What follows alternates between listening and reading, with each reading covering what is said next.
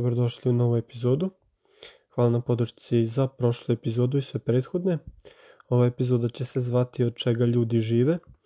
Ova ideja od čega ljudi žive pronašao sam je sinoć i bila mi je veoma zanimljiva, tako da sam izabrao njoj danas malo da govorim. Pored nje će biti još i druge naravno teme.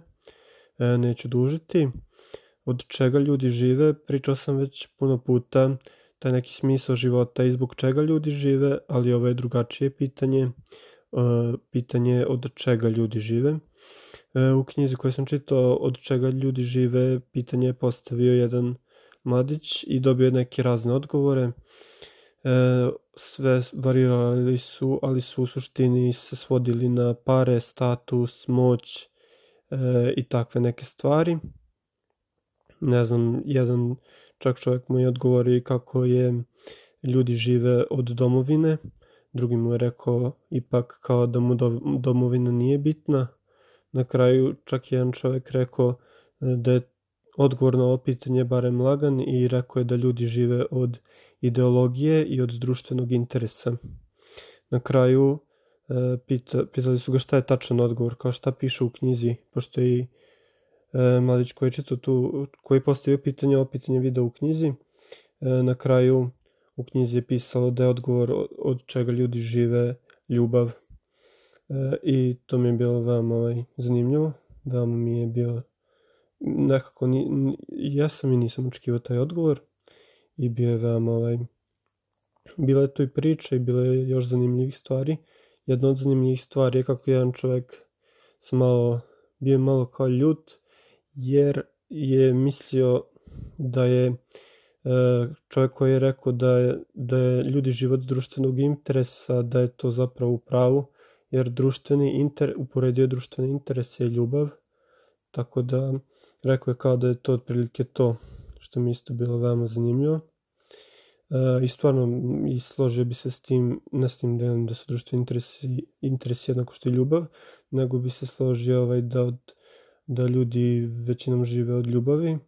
Takođe bila jedna veoma lepa rečenica da ljudi ne žive od brige za sebe nego od ljubavi prema bližnjima, što isto veoma lepa rečenica i veoma mi se sviđa. Tako da to sam malo spremio od sinoć i to mi je onako ostalo nešto veoma zanimljivo. Mislim da, da neću to zaboraviti tako brzo.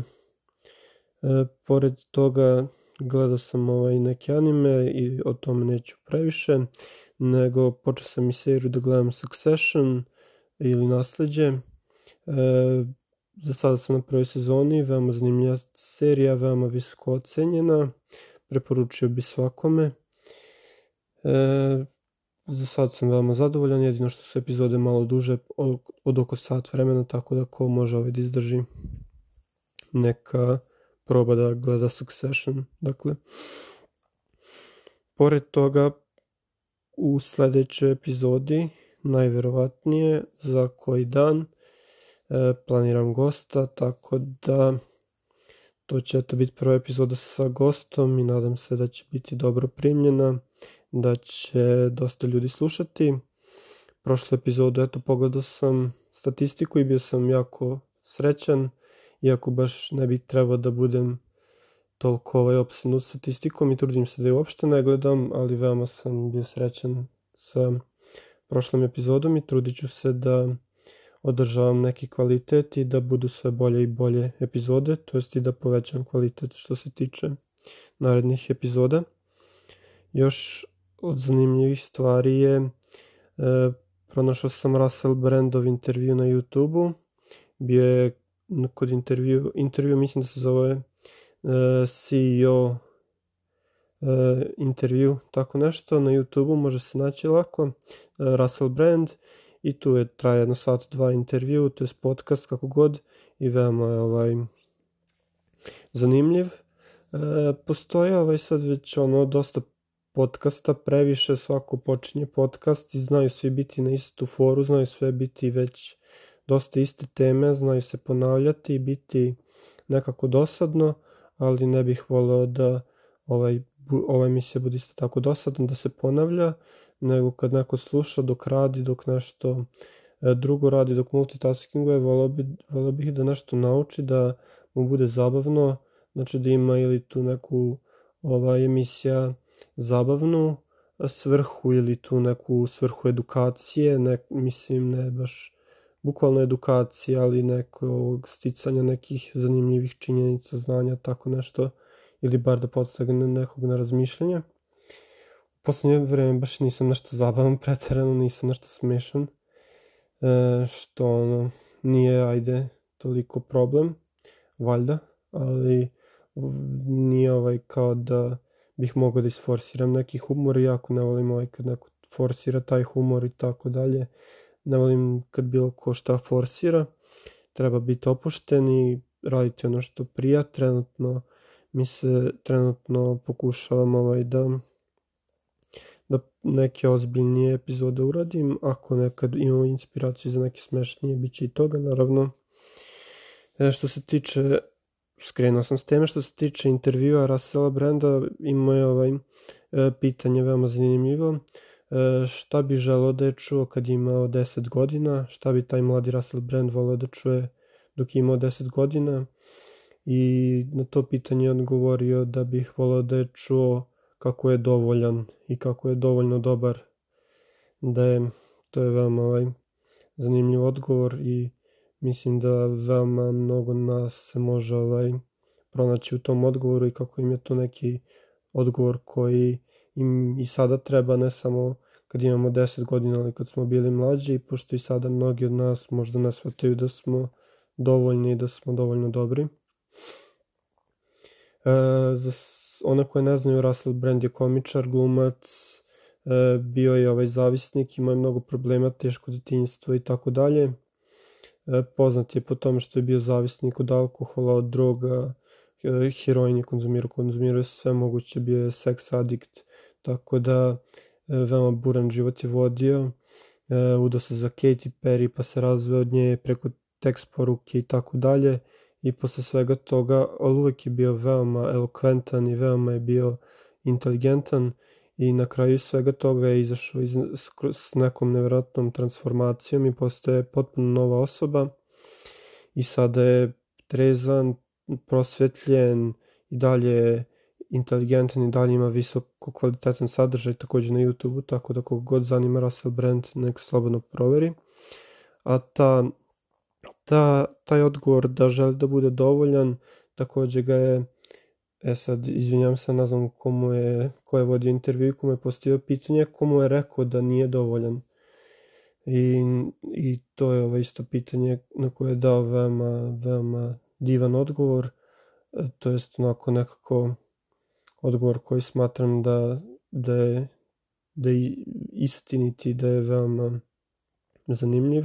Rekao je da mu je društvo reklo, znači ne samo njegovo društvo, nego mislim kao ceo društvo, ceo svet tim nekim normama mu je nametnuo i to, i to mu je reklo tako nekako indirektno da nije dovoljan jer sad u društvu postoje sve te neke e, stalno se govori kako moraš biti bolji, kako moraš stalno juriti neke materijalne stvari, stalno moraš neki status da imaš i sve te stvari koje moraš, moraš, moraš i onda se prosto ne osjećaš se dovoljan s time što jesi a trebalo bi ovaj, da se svako osjeća prijatno u svojoj koži i da bude srećan e, to što jeste. Naravno, sada ako smo u nekoj teškoj situaciji, ako nismo srećni sobom, trebamo da se promenimo i trebamo da prihvatimo sad smo u teškoj situaciji, ali da napredujemo dalje. Tako da neću du dužiti o tome. E, šta sam još hteo je da vidimo i puno ljudi i verovatno e, svako primećuje da je puno ljudi u nekim problemima i da je slomljeno i samo onako tetura i da im je teško i voleo bih ono da svako ko vidi takve ljude da im pomogne i da ih pokuša razumeti. E, što se tiče tih nekih ljudi koji su, ne znam, u problemima i sve i kad izraze tu neku svoju agresivnost, svoju ljutnju prema nama ili prema bilo kome drugom. Ono što trebamo razumeti je da ti ljudi zapravo projektuju te svoje probleme na nas i da mi ništa zapravo nismo skrivili i trebamo pokušati da razumemo te ljude, ali ih takođe trebamo, trebamo te njihov agresivnost sve ignorisati i dati im do znanja da to nije ovaj pravi način izražavanja tih, te nervoze, te agresije. Tako da ako ste, ako je bilo ko ta osoba ili ako sam ja ta osoba koja izražava nervozu na nezdrav način, volao bi da mi neko kaže uvek da se ponašam nedolično i da bih trebao da nađem bolji način da se ponašam. E, mnogo ljudi sad shvata već sve na lični, na ličnoj, li, mnogo ljudi shvata sve mnogo lično i brzo se uvredi na neke stvari koje su onako objektivne, koje su istina i koje samo su iz dobrog mesta i s kojim ljudi žele da nam pomognu. To je, pretpostavljam, najvećim delom zbog tog našeg nekog ega i ponosa. Teško je prihvatiti da ovaj nismo u pravu. Teško je prihvatiti da se ne ponašamo najbolje i onda dolazi do toga. A trebali bi ovaj razmisliti o tim nekim stvarima koje nam drugi ljudi kažu, a ne samo ovaj da, da verujemo da smo mi u pravu bez obzira na sve i da se naljutimo kada nam neko da neki savet ili neku kritiku. Trebamo ovaj prihvatiti to i onda kad malo razmislimo da dođemo do nekog rešenja za sve to. E, što se tiče e, nekog, nekih stvari u mom životu. Sad sam nedavno radio tetovažu i mnogo sam srećan zbog toga. Radio sam tetovažu Gintame, iz, iz Gintame, Gintuk i Sakatu. E, to je znači glavan taj lik i veoma sam ovaj presrećan zbog toga. Mislim da ovaj, da, da, da ću se još tetovirati i to mi je tako neka ovaj, zadovoljstvo. Volim jako tetovaže i nekako mi je mišljenje njima da je to neka umetnost i veoma, veoma mi se sviđa kad neko ima tetovaže, veoma volim kad moje tetovaže i postoji ovaj puno ovaj tih nekih kontroverznih mišljenja o tetovažama. Neko je ovaj totalno protiv njih, neko je za njih, neko ih samo ne želi za, na sebi i šta god da je bilo čije mišljenje, sve je okej. Svako može da radi sa svojim telom šta želi i ne bi ovaj treba niko da osuđuje nekog drugog zbog tetovaža, da li ima, da li nema. To je skroz ok stvar te osobe. E, što, ne znam, što, još što se tiče tetovaža, volim kad tetovaže izgledaju cool. E, neka, nekim ljudima je bitnije, na primjer, da tetovaže imaju neko duboko značenje, neko njihovo lično značenje i to je isto jako lepo, ali volim takođe i da tetovaže izgledaju onako na oko veoma lepo i veoma nekako cool. To mi je isto onako veoma bitno kod tetovaža, bar meni lično. Naravno neko, neko ovaj, voli samo da ima to značenje i može biti i neka mala tetovaža. Ja sam takođe ne, možda malo fan tih nek, nekih većih tetovaža i sad preporučujem ono, to ne preporučujem ako neko želi da se tetovira, preporučio bih mu prvo da dobro razmisli, znači ovo nije reklama nikakva, nije ovaj preporuka da se neko ide i tetovira, sad samo zašto sam ja to uradio, pre bih preporučio da ako neko baš želi da pre toga dobro razmisli i onda da već istraži šta želi i nadam se da će, da će, imati, da će biti srećan kao ja sa svojim tetovažama. Još što se tiče te neke umetnosti, eto, danas sam uzao neke stripove, i već sam je pročitao prvi deo e, Gideon Fallsa. E, Gideon Falls, e, prvi tom je Crni ambar, veoma cool strip. Taj prvi tom sam pročitao, ima šest ukupno, tako da morat ću da krenem uskoro i ostale.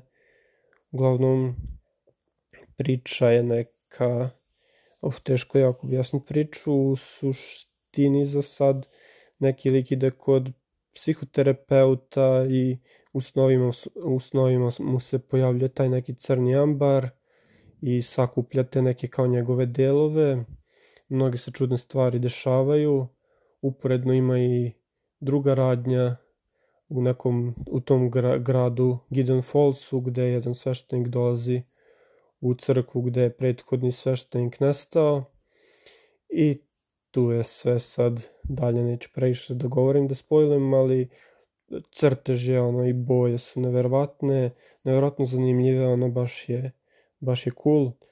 E, tako da Gideon Falls, Crni ambar za sad prvi tom sam pročitao. E, tako da to je to što se, sad rekao sam kao što se tiče umetnosti, stripovi.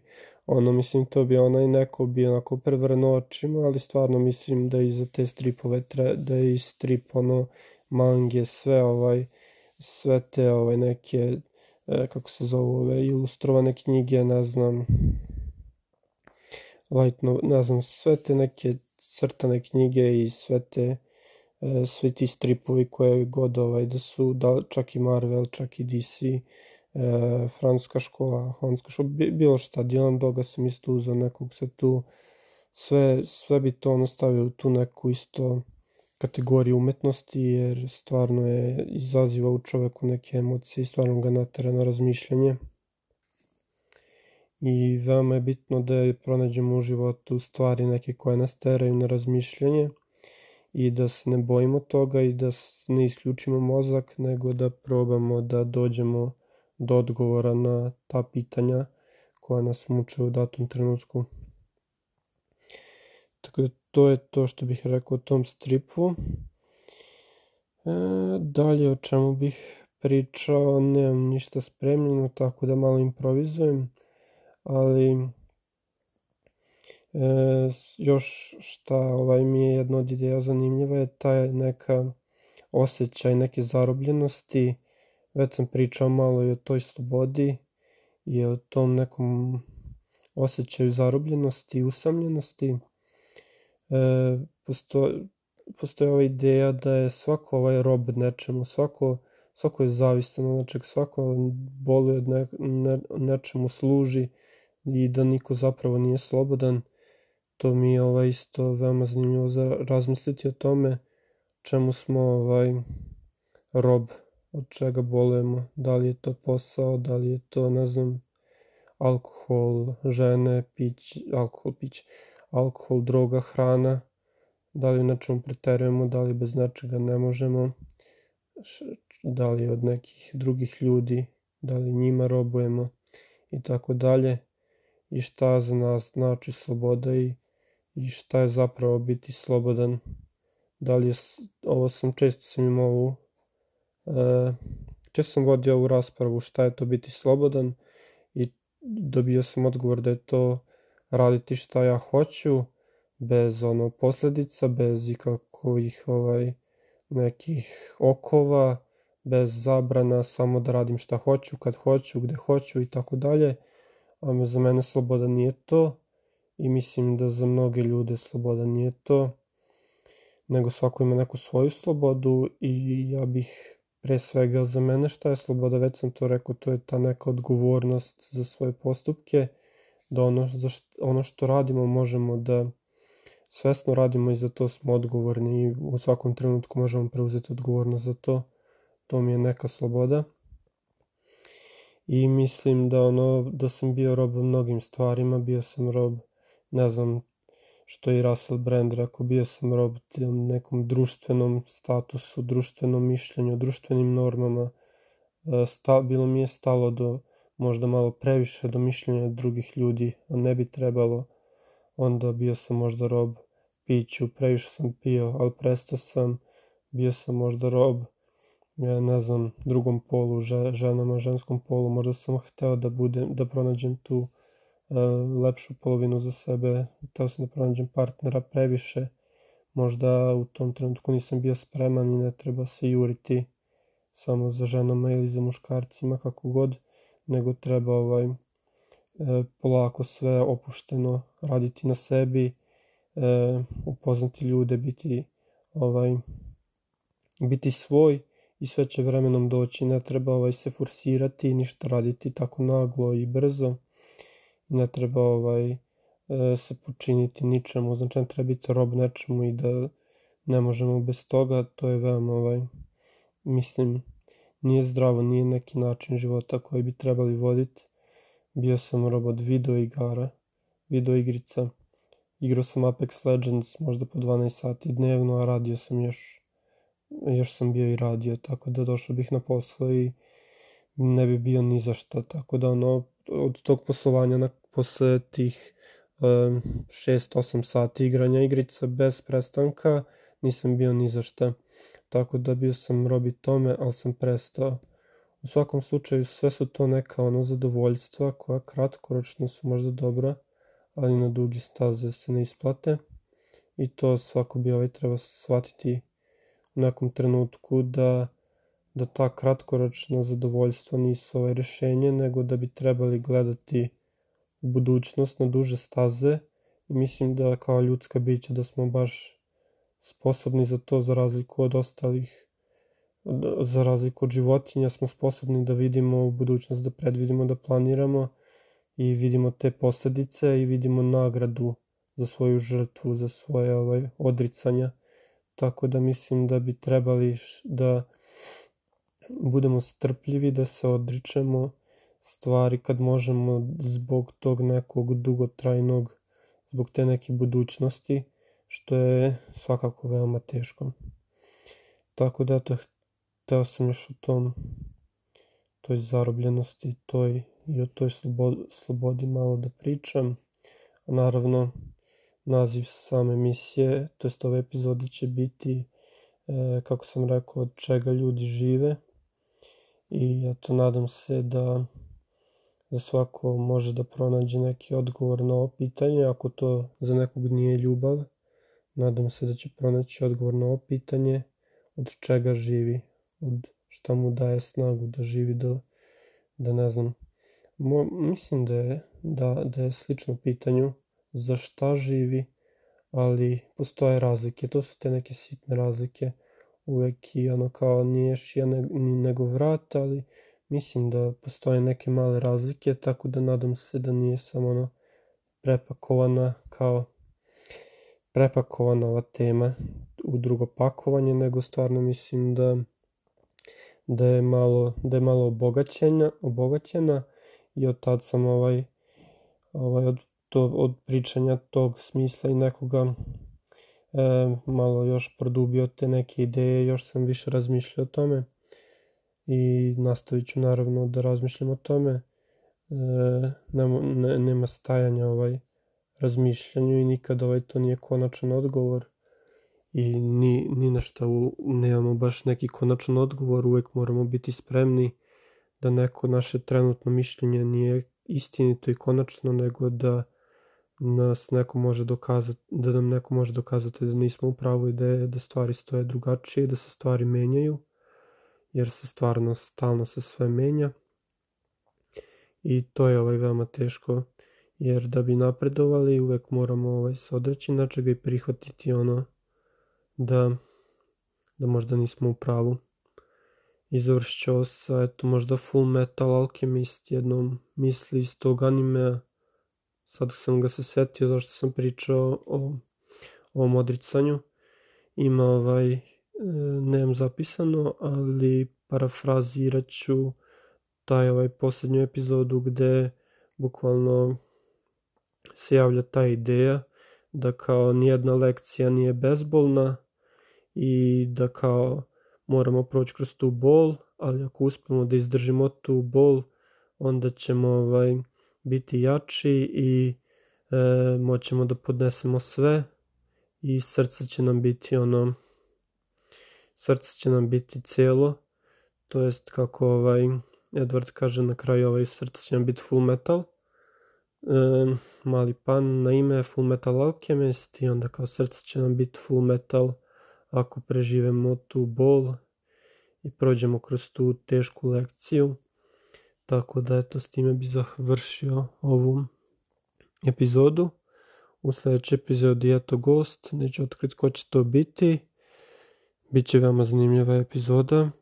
E, postavit ćemo neko pitanja, neka pitanja i razgovarat ćemo o nekim temama e, koje smislim.